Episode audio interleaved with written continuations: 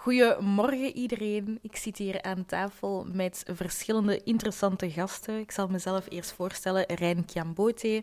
Um, ik ben de host vandaag samen met Kevin Kabongo aan tafel. met Yannick, vader, um, hier naast mij. En uh, ja, hij gaat ook spreken vanuit zijn eigen ervaringen. En dan heb ik meneer uh, Rifi hier aan tafel. Hij is algemene huisarts. Voilà. En hij gaat ons een beetje meer vertellen over hoe dat hij de situatie vanuit zijn geneeskundige bril benadert over vaderschap. Dus voilà, welkom iedereen aan tafel. Uh, super. Dus uh, zoals Rijn zei, mijn naam is Kevin Kabongo. Ik ben voorzitter van Waka Waka Generation.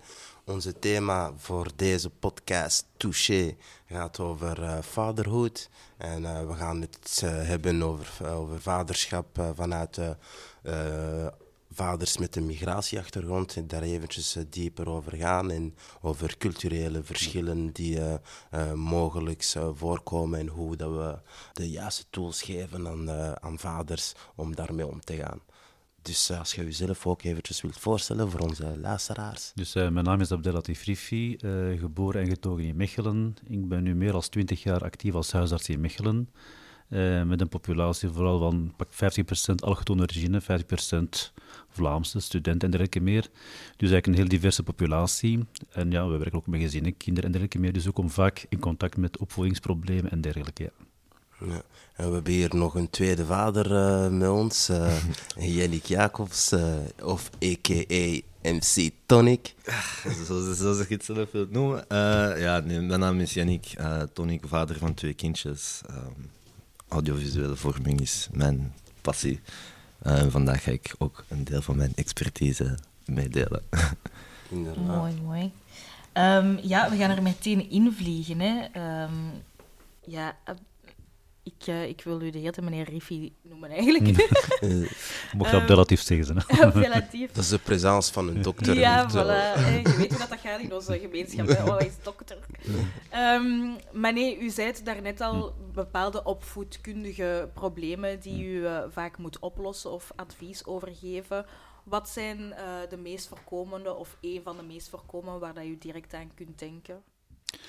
Uh, als we vooral gaan kijken naar onze Marokkaanse gemeenschap, zie je bij een klein deel daarvan toch soms problemen rond, zeg maar iets, uh, drugsgebruik, uh, school, uh, verlaters, gebrekkige communicatie tussen kinderen en ouders. Dat zijn dus dingen die toch vaak terugkomen bij ons in de gemeenschap. Ja.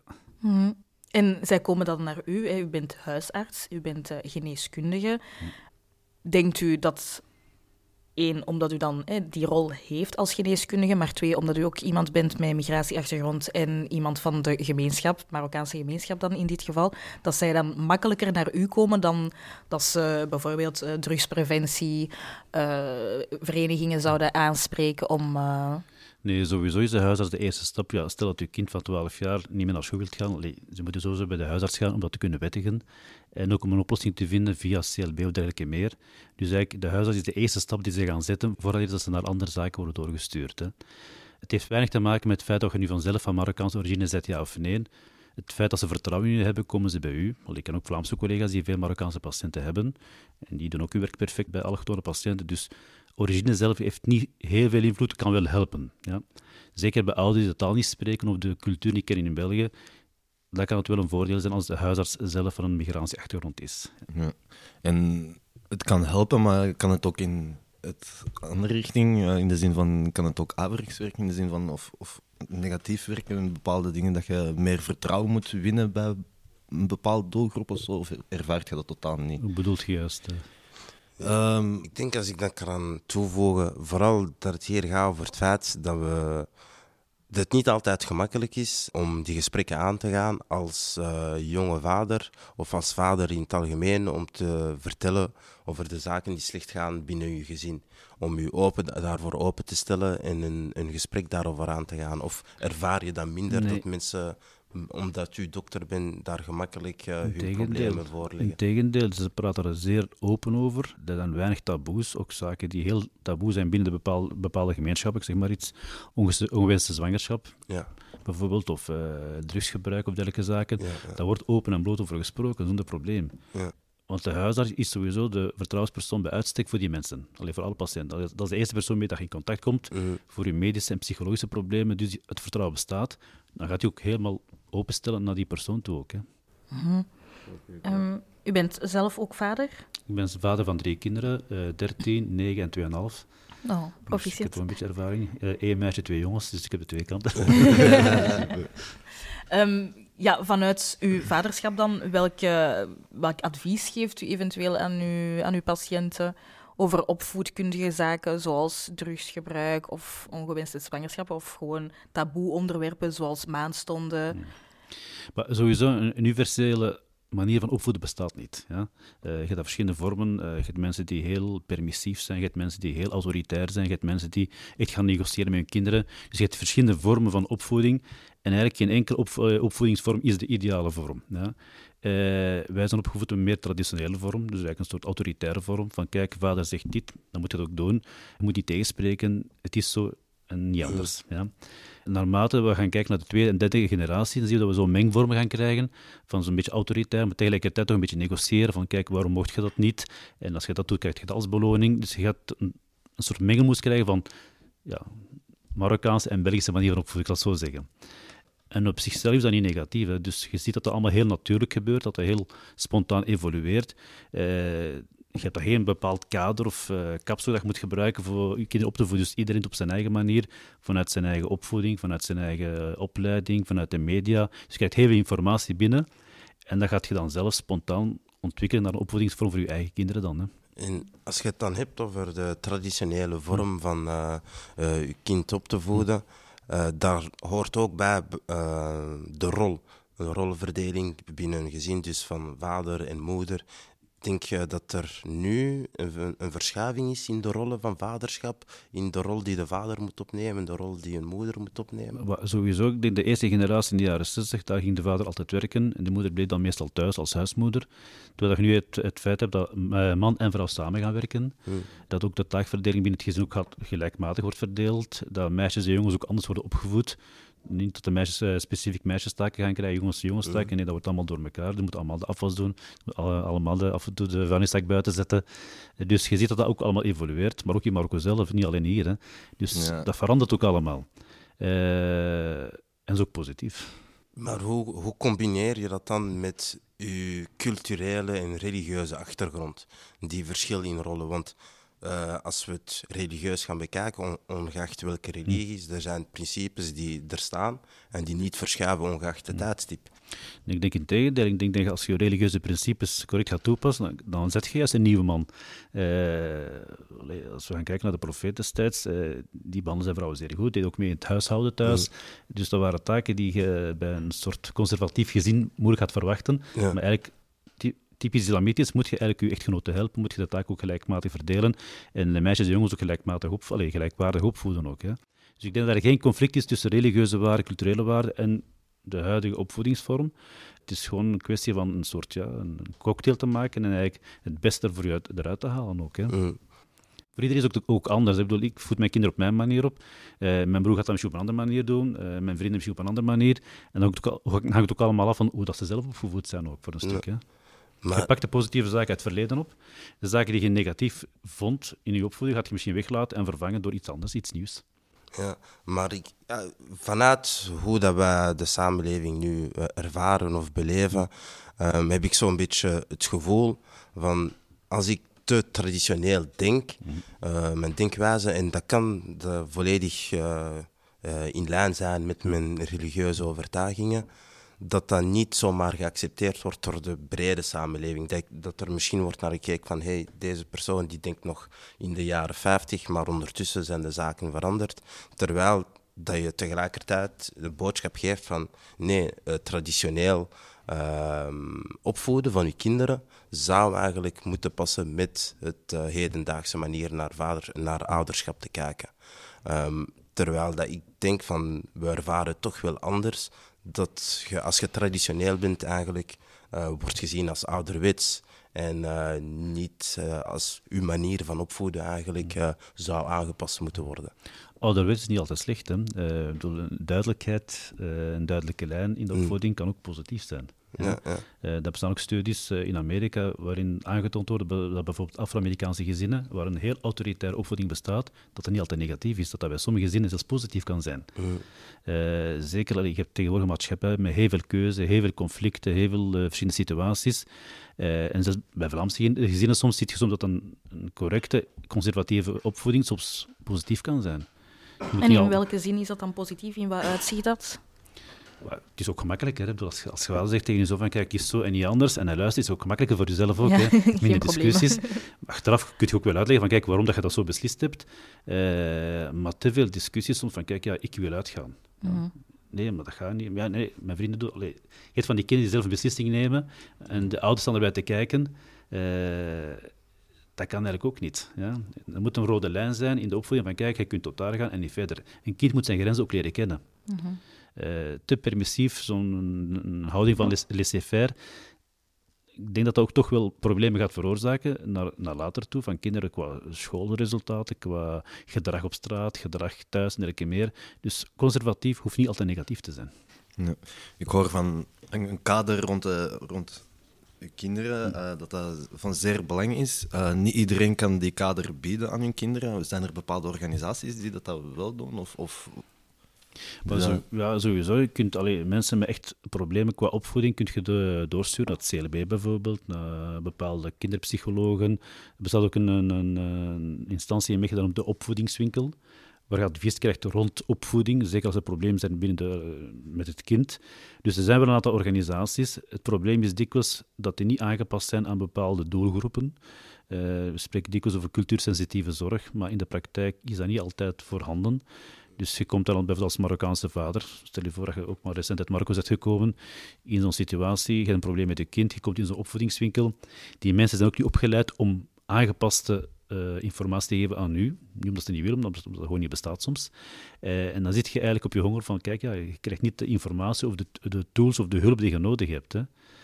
Uh, en dan gaat men eigenlijk terugvallen op de eigen gemeenschap, Marokkaanse huisarts, de imam, bepaalde vrienden, en gaat men zo proberen een oplossing te vinden eigenlijk. Denkt u dat dat een probleem kan zijn op lange termijn? Omdat er, hoe dat je het eigenlijk verwoordt, dat is heel goed, dat mensen steeds terugvallen op hun eigen gemeenschap, waardoor dat er eigenlijk een soort van, ja, niet klikje, maar iedereen blijft gewoon binnen hun eigen gemeenschap, terwijl dat die kinderen wel, die gaan naar een Vlaamstalige school. Dus de kinderen zijn sowieso vermengd met de verschillende culturen, maar de ouders kunnen dat dan niet doen. Maar ik denk op, uh, naar de toekomst toe dat we, er is een tendens eigenlijk om binnen het CLB, binnen de opvoedingswinkel, binnen het ziekenhuis ook meer cultuursensitief te gaan werken. Waarom? Omdat het ook betere resultaten geeft. Uh, het probleem is dat dat vraagt een investering van tijd, van geld, voordat je dat kunt aanbieden. Maar eenmaal als dat zou bestaan, dan gaat ook de resultaat, gaan de resultaten ook veel beter zijn. Dus na de toekomst ben ik wel positief, allee, hoopvol ingesteld, dat dat allemaal gaat verbeteren. Binnen de islamitische gemeenschap heeft bijvoorbeeld imam een zeer belangrijke rol. dat hoeft niet negatief te zijn, tegen dat is heel positief. Als een goede imam is die heel open-minded is, die heel openhartig kan spreken over bepaalde problemen, kan dat een heel enorme hulp zijn. Ja?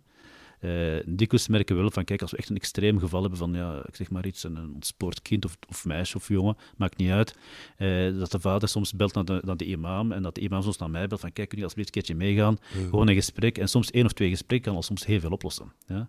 Uh, dat de vader dan bijvoorbeeld bereid is om met zijn kind te discussiëren of te communiceren, dat het kind ook bereid is om zich open te stellen aan de ouders toe. Dus je merkt wel dat bij bepaalde, allee, een aantal gesprekken soms oplossingen kunnen bieden. In extreme gevallen, ja, dan behelpt je maar. Hè. Dan is uh, ja, CLB, eh, opvoedingswinkel, ook al is die cultuursensitief aangepast, maar probeer je toch te doen wat je kunt doen. Bij ons een beetje uh, in onze christelijke cultuur dan hebben we dat ook, dat we vaak naar de pastoor kunnen gaan om soort uh, gesprek, uh, gezinsgesprek te hebben met de vrouw en de man over, uh, over hoe dat gaat in het gezin. Dat je ook wel zijn advies kan geven en zo gebeurt dat. Is dat ook zo in de, in de islam, dat de vrouw en de man met de imam kan spreken? Zeker, zonder, probleem, zonder probleem. Er bestaan bijvoorbeeld moskeeën in Brussel waar je als man en vrouw naartoe kunt gaan als je een relatieprobleem hebt. Ja? ja? En dan wordt dan gesproken met de man apart, met de vrouw apart, dan samen en dan probeert men tot een vergelijk te komen ja, ja. met dikwijls goede resultaten. Hè? dus als allebei religieus ingesteld zijn, dan kan een advies van een religieuze persoon zeker helpen. Ja, ja. Dus dat is niet religieus ingesteld, ja, dan kun je niet ver gaan zoeken eigenlijk. Ja, nee, natuurlijk. Maar dus, het kan een hulp zijn. Hè? Dus eigenlijk, het is Mm. niet van eh, dit of dit. Het is dikwijls een verhaal van en en en. Van kijk, en de imam, en het CLB, en de opvoedingswinkel, en de huisarts, en vrienden. En eigenlijk, de, de samenloop van al die factoren kan soms een oplossing bieden. Hè? En er is ook de gezegde van il faut tout un village pour euh, éduquer un enfant. Dus een hele dorp nodig om een kind op te voeden. Misschien Congo, misschien. Maar...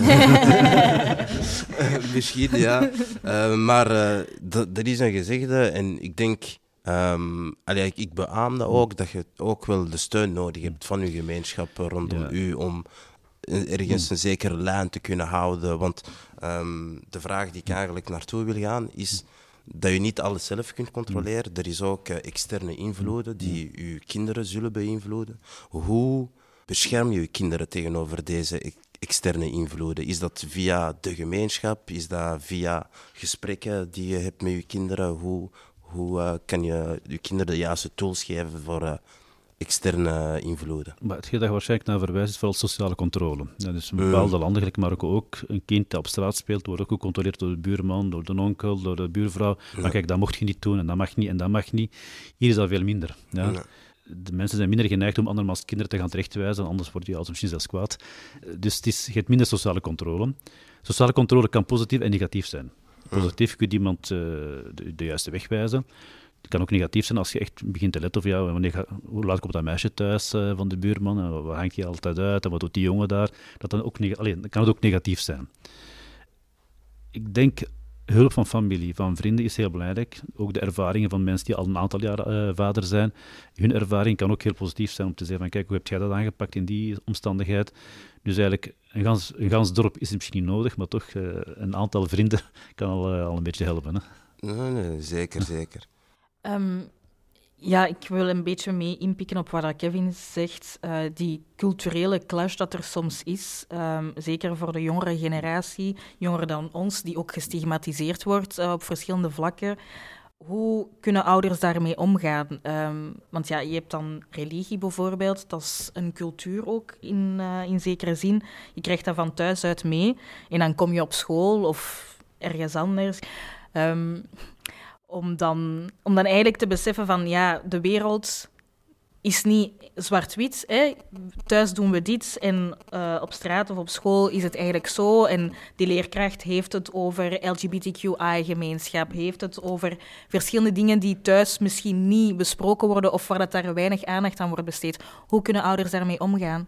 Maar ik denk dat kinderen eigenlijk spontaan dikwijls een soort chameleon gaan worden. Ja?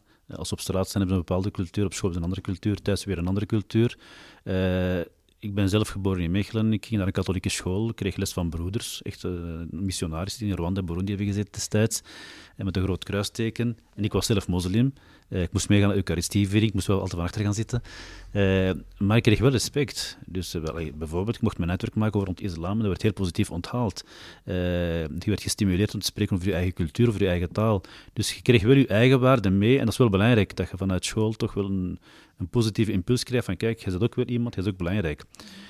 Ik heb zelf eigenlijk nooit op school ervaren, of misschien kleine zaken, maar nooit echt racisme of dergelijke zaken als kind, oké, je hebt soms kinderen die elkaar pesten, uh, bruin of dit of dat. Uh, kinderen kunnen soms hard zijn, uh, maar echt racisme denk ik eigenlijk niet. Daar heb ik wel geluk in gehad in feite. Ook qua studies op hoger onderwijs, dus universiteit, voor mij was het altijd een positief punt dat ik een allochtone origine was. Ja. Ook voor stage, ik sprak Arabisch, ik sprak Frans, ik sprak Nederlands, dus we waren overal heel welkom, dus het kan ook positief zijn. Uh, ik ben eigenlijk vergeten wat uw vraag was. Ja, dat het eigenlijk voor vele jongeren ja. nu niet zo positief is om die, die beide culturen te hebben. Dus vaak moeten ze dan, wat je dan zegt, schipperen tussen de twee. Dus op school weten ze van, oké, okay, zo gaat het eraan toe. En thuis weten ze van, oké, okay, zo gaat het eraan toe. Maar zij hebben nog altijd hun eigen identiteit, die dan tussen de twee is. Stel, sommige gesprekken ja, moeten ze dan op school hebben en denken ze van ja, maar dit is niet hoe dat wij het doen, dit, is niet, eh, dit maakt niet deel uit van hoe dat wij de wereld zien. En dan moeten ze eigenlijk in gesprek gaan met hun klasgenoten en vaak is er dan een clash. Ouders moeten dat dan mee oplossen, hè, omdat ze verantwoordelijk zijn. Dus hoe kunnen ouders daarmee omgaan? Zeker als ze niet per se... Um, ja, weten waarover dat het eigenlijk gaat of niet mee zijn met, met die gesprekken? Ik denk de rode draad is vooral respect. Ja. Respect voor andermans meningen, uh, ook rond gender en dergelijke meer. Dan moet je van thuis uit ook meekrijgen kijk, we leven in Europa, in België, iedereen is gelijkwaardig, of dat je nu hetero, homo of dergelijke, maakt niet uit wat je bent, je moet iedereen respecteren. Ja. Je moet dat zelf niet gaan doen, of, of niet hetzelfde gaan doen, maar als over wordt gesproken, respecteren. Hetzelfde rond theorie, gelijk evolutietheorie of uh, dergelijke zaken, of de, theorie van Darwin. Je moet dat respecteren. Oké, dat is de wetenschap, dat zegt de religie. Je moet die, die twee zaken kunnen combineren en misschien zelfs versmelten. Ja? Uh, het hoeft niet altijd uh, zwart-wit te zijn. Dus eigenlijk gewoon respect naar iedereen toe en dat moet je van thuis uit ook meekrijgen. Dan heb ik twee vragen. Uh, voor Yannick dan, hoe ervaar jij dat dan uh, met uw huisarts, wanneer je met je kinderen naar de huisarts gaat? En heb je dan dezelfde ervaring, zoals dokter Riffi net zei, van oké, mijn huisarts is iemand waar dat ik over dergelijke zaken kan spreken. Ik voel me welkom genoeg of ik voel me op mijn gemak genoeg om mijn thuissituatie te kunnen bespreken met mijn huisarts? Um ik moet eerlijk toegeven, ik ga niet zo vaak naar de huisarts. Hmm. Ehm, waardoor dat, ja, mijn huisarts niet echt mijn vertrouwenspersoon is. Uh, dat is de persoon die dat in mijn dossier kan kijken en die kan zien hmm. waar dat ik nogal ben geweest in het verleden en welke ja. ziektes. Maar ik, ik heb het niet echt als een vertrouwenspersoon. Maar het zou heb je die wel, die vertrouwenspersoon dan, u toeverlaat om te kunnen vertellen wanneer het een beetje minder gaat, wanneer het goed gaat? Uh... Um, ik, zoek die vertrouwenspersonen meestal bij mijn dichtbijzijnde vrienden of mensen die dat weten hoe dat ik ben opgegroeid of wat ik heb meegemaakt. Um, daar haal ik zoveel mogelijk informatie uit. Het vertrouwenspersoon, um, misschien heel erg weinig, maar ik vertrouw niet snel mensen. Um, het, het zou makkelijker zijn moest ik bijvoorbeeld een arts hebben die dat gemeenschappelijke punten met mij heeft. Dat zou makkelijker zijn voor mij om, om mijn verhaal daarnaar ja, ja. uit te leggen. Je moet een afspraak maken, hè? ik, ben, uh, ik ben verhuisd naar Antwerpen, maar vroeger ben ik een paar keer bij u geweest. ja, klopt, klopt. En ja, um, wat, dat, wat dat voor mij ook zoiets is, is van... Um, vroeger bijvoorbeeld CLB, um, ik ben even een andere topic aan het... Eh, even om een schets te zeggen. ik vind dat... Jij bent een van onze... Eh, van mij toch een voorbeeldpersoon van, van iemand die dat toch heeft gemaakt, om het zo te zeggen. Uh, ik had vroeger weinig rolmodellen in Mechelen. Uh, er zijn er een paar. Younes El Yousfi is ook uh, een van de rolmodellen. Respect naar hem toe. Waarom? Omdat um, op school werd er ons vaak gezegd in de CLB van ja, ga maar BSO studeren. Of ja, ik kan niet opletten of is niet goed met talen. Stuurt hij maar met zijn handen werken of zo. Mm. En er zijn heel veel vrienden ehm, die dat, die route hebben genomen. En sommigen hadden wel die, die vangnet van broers, zussen, die dat zeiden van... Nee, nee, niet luisteren. Ga ASO studeren. Ga verder gaan. doe verder. En die mensen die zijn er ook geraakt. Dus ja, ik vind het soms een beetje moeilijk om de mensen te vertrouwen. Ook een schoolsysteem in het algemeen. Ik vind het een beetje raar van mijn kinderen zijn. Ik heb soms het gevoel dat mijn kinderen mijn kinderen niet zijn, maar kinderen van de maatschappij. In de zin van: ik zie mijn kinderen in de ochtend een uur. Ja, ja. Ik zet ze naar het school af. Mhm. Daarna ga ik ze terughalen. Mm Heb ik één à twee uur de tijd om met hun te spelen, om in bed te steken. Ja. En that's it. Dus dat wil zeggen, op een dag heb ik maar drie uur tijd gespendeerd met mijn kinderen. De overige acht uur heb ik mijn kind overgelaten aan een schoolinstantie. Mhm. En moet ik maar de vertrouwen geven aan de school van... Ja wat het leerkracht doet, zal wel goed zijn. Ja. doet het goed met mijn kind. Maar als ik zelf naar school ben geweest, zag ik dat de leerkracht niet altijd de antwoorden had. En dat mm. hij mij soms ook zo een gevoel gaf van... Jij bent niet een van hun. En, soms moet je ook opboksen en die chameleon-systeem over hebben. Dus voor mij zou het echt wel goed zijn, moest ik wat meer personen hebben waar dat ik mezelf naartoe kan reflecteren en zeggen van... Die lijkt een beetje op mij. Van, ja, zijn carrière...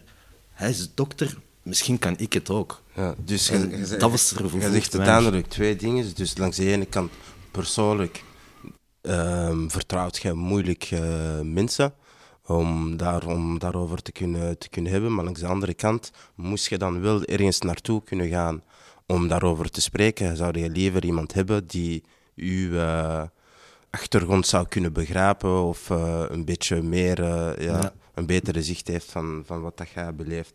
Maar uiteindelijk moest die dienst, die persoon beschikbaar zijn, zou je daar echt wel um, naartoe grijpen?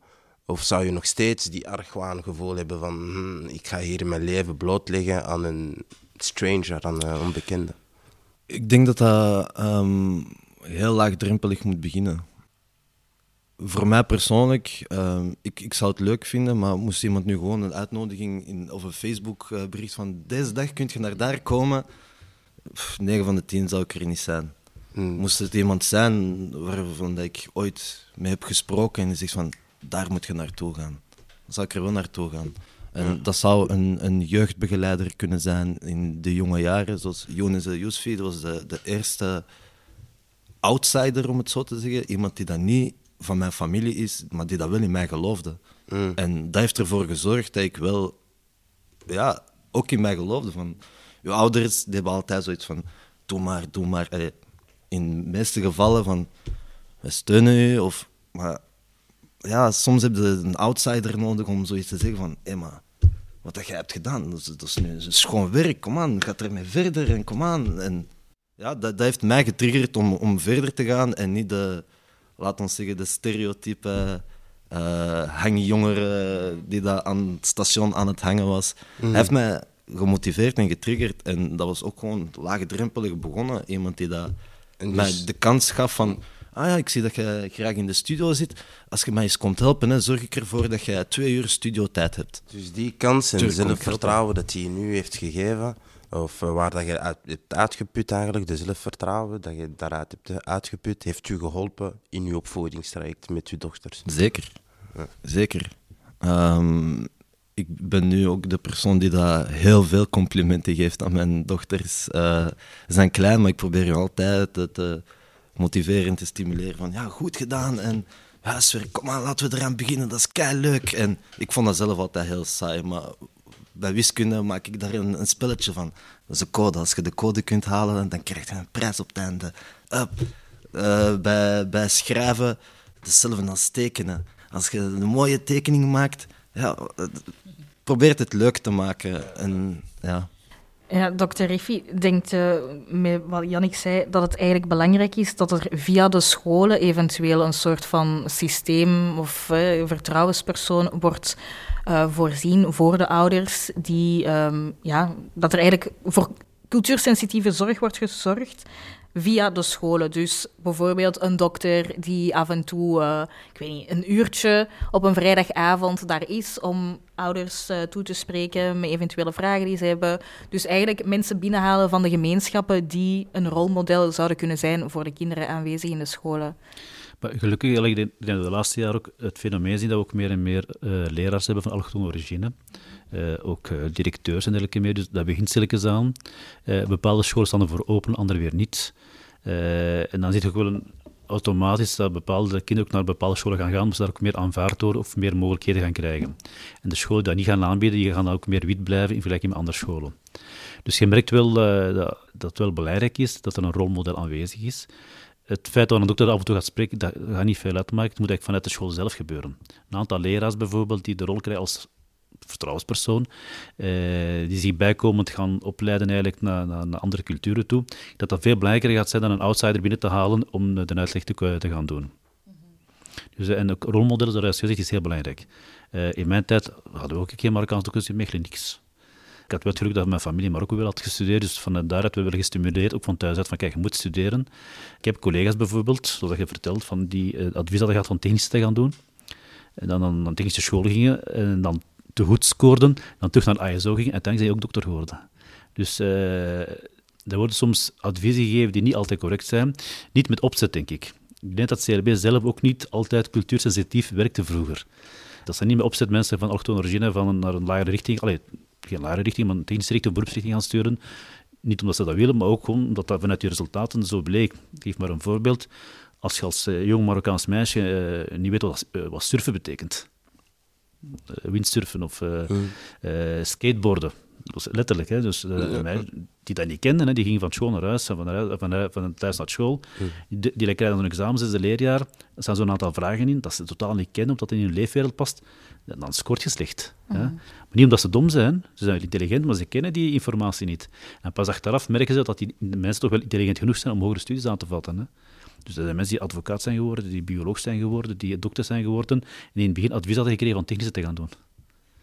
Dus daar moet wel iets mee gedaan worden eigenlijk. het is zelfs niet eens zo lang geleden. Ehm, ik heb een tijd geleden ook als jeugdwerker gewerkt in Antwerpen-Noord. En voor mij was het zeer chockerend om te zien hoeveel van de jongeren naar Buzo worden gestuurd. Um, dat is buitengewoon onderwijs. Buitengewoon onderwijs. En meestal is het dan van leerkrachten die dan niet weten hoe dat ze met de jongeren overweg moeten. Het gaat over jongeren die dat, die dat soms drie talen kunnen. Um, er zijn sowieso competenties, maar die competenties moeten wel herkend worden. En als het gaat van, ja, uh, hij is te luid in de klas, eerste opmerking in de agenda, uh, volgende rapport, uh, punten zijn matig, hij zou wat meer moeten inzetten in de klas. Als de CLB dat krijgt, dan is dat, ah, kan je opletten in de klas, punten te matig, is een beetje te veel in de klas. Ga maar iets met je handen doen misschien. Dan kun je bezighouden en dan stoort je de ander in de les niet. En daar ligt het soms een beetje fout, denk ik persoonlijk dan. Maar ik denk dat dat misschien een algemeen probleem is van ons onderwijssysteem tegenwoordig, dat er niet genoeg wordt uh, aandacht besteed aan de talenten van elk individueel kind. Dus dat misschien het culturele, allez, dat zal ook wel een rol spelen, denk ik. Hè. Misschien vooroordelen nog altijd, tot op vandaag. Uh, maar dat vooral um, ja, dat er gewoon niet genoeg aandacht wordt besteed aan een kind die dan bijvoorbeeld luid is. Misschien vindt hij zo'n les saai, omdat hij juist uh, die heeft heel veel andere ideeën en hun hoofd uh, denkt anders. Maar ik vind dat toch wel moeilijk, want uiteindelijk hebben we het over klassen die een, gemiddelde 20, 23 kinderen hebben. Um, die kinderen hebben allemaal hun eigen achtergrond, hun eigen thuissituatie en komen met die bagage naar school. En het zou moeilijk uh, zijn om te vragen van al de leerkrachten om, te om rekening te houden met elk specifiek kind. Onze, ik denk dat het systeem, hoe dat in elkaar zit nu, dat gewoon niet toelaat. Maar dat we er gewoon ervoor kunnen zorgen dat de kinderen um, zo weinig mogelijk daardoor benadeeld worden in de toekomst.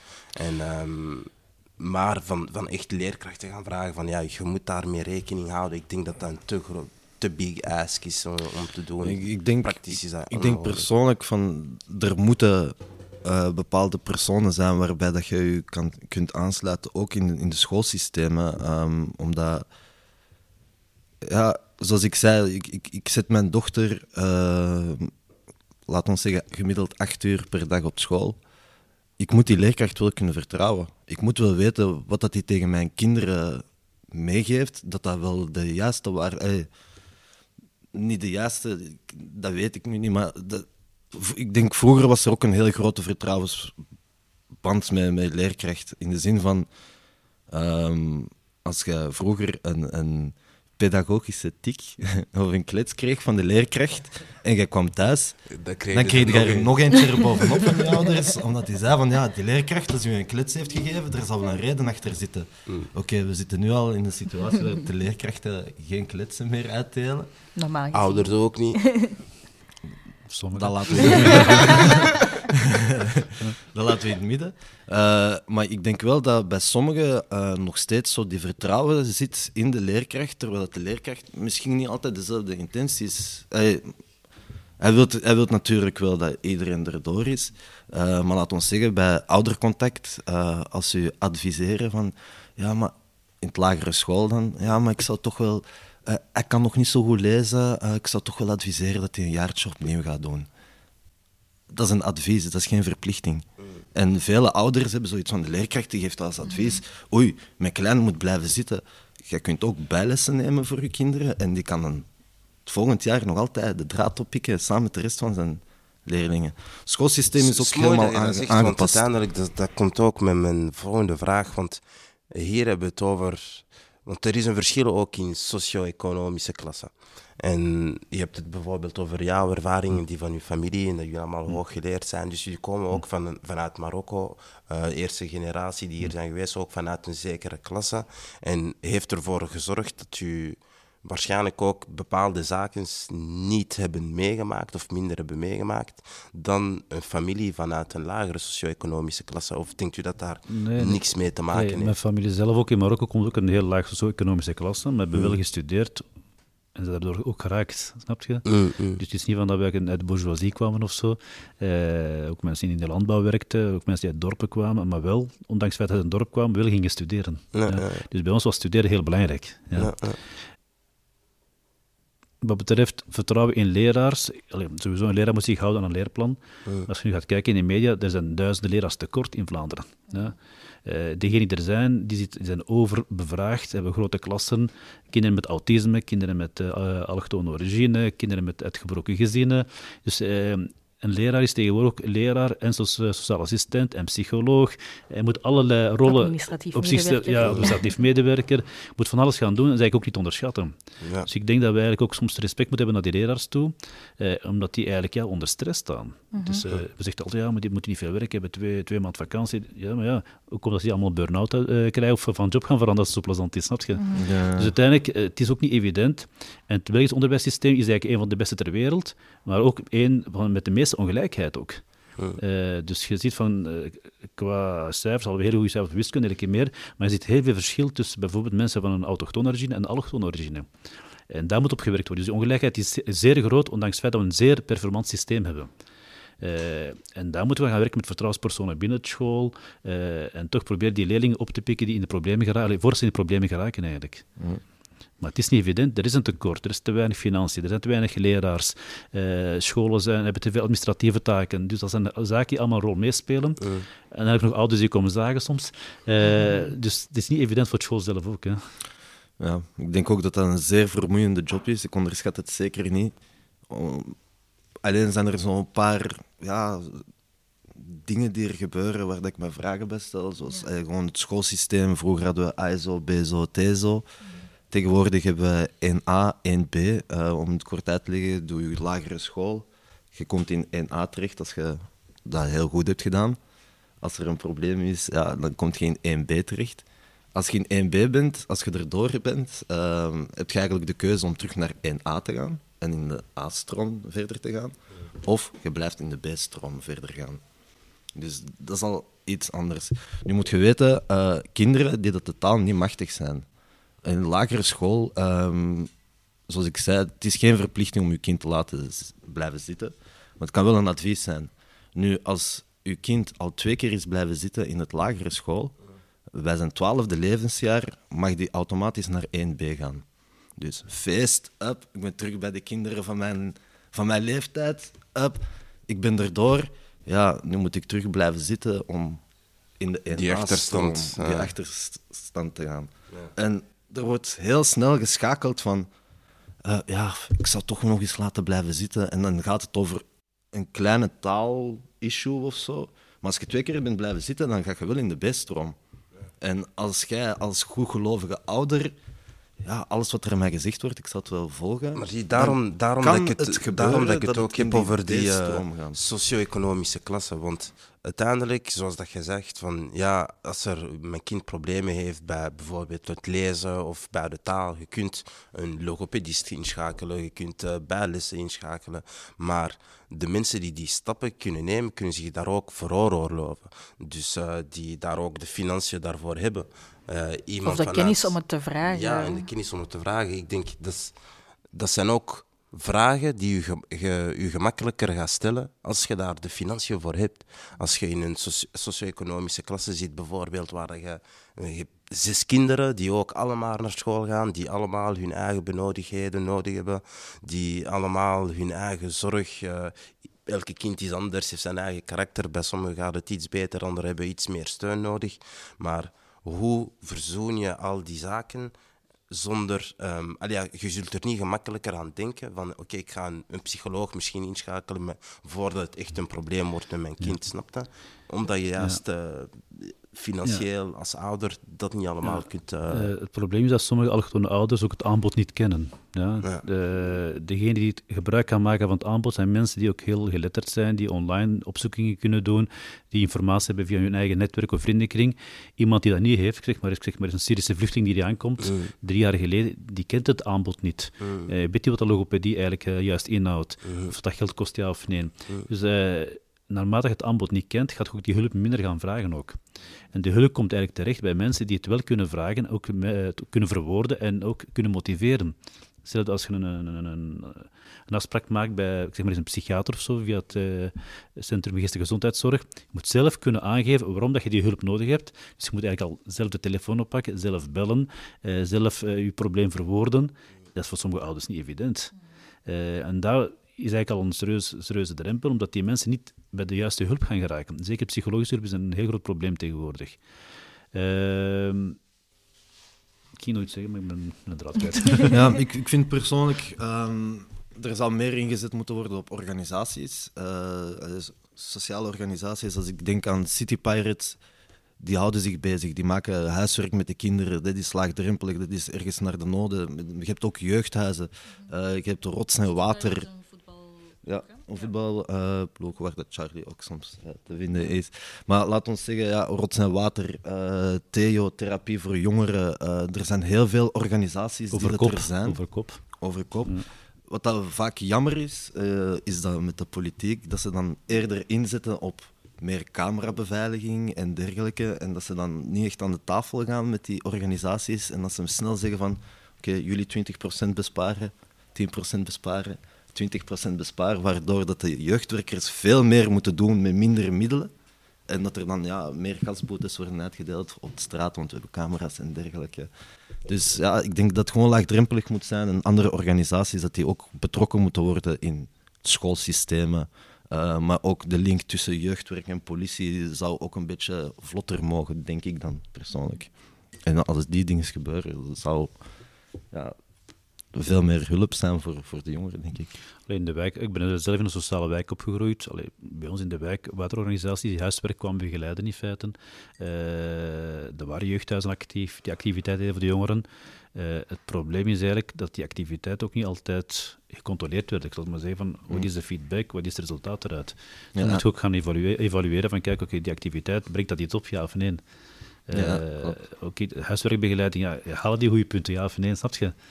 Eh, vanuit de politiek wordt soms zo gedacht, denk ik. Hè. Ja. De kamerbeveiliging, ja, ik denk dat, dat je en-en moet doen. Hè. Dus uh, mm. destijds een expoostas nog een groot probleem van mensen die er echt mensen lastig vielen.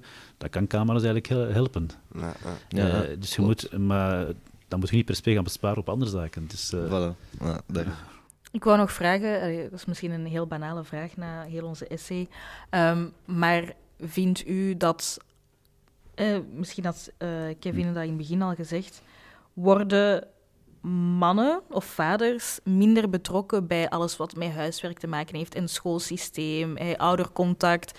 Um, merkt u daar iets van? Wat, wat is de tendens zo? Ik moet eerlijk goed toegeven dat ik zelf weinig met huiswerk bezig ben van mijn kinderen. Mhm. Ook vanuit mijn werk toe. Ik, ik, werk bijna 70 uur per week. Uh, dus uh, het is eigenlijk vooral mijn vrouw die de huiswerkbegeleiding voor de kinderen. Uh, dus ik ben ook zo'n beetje schuldig op dat vlak.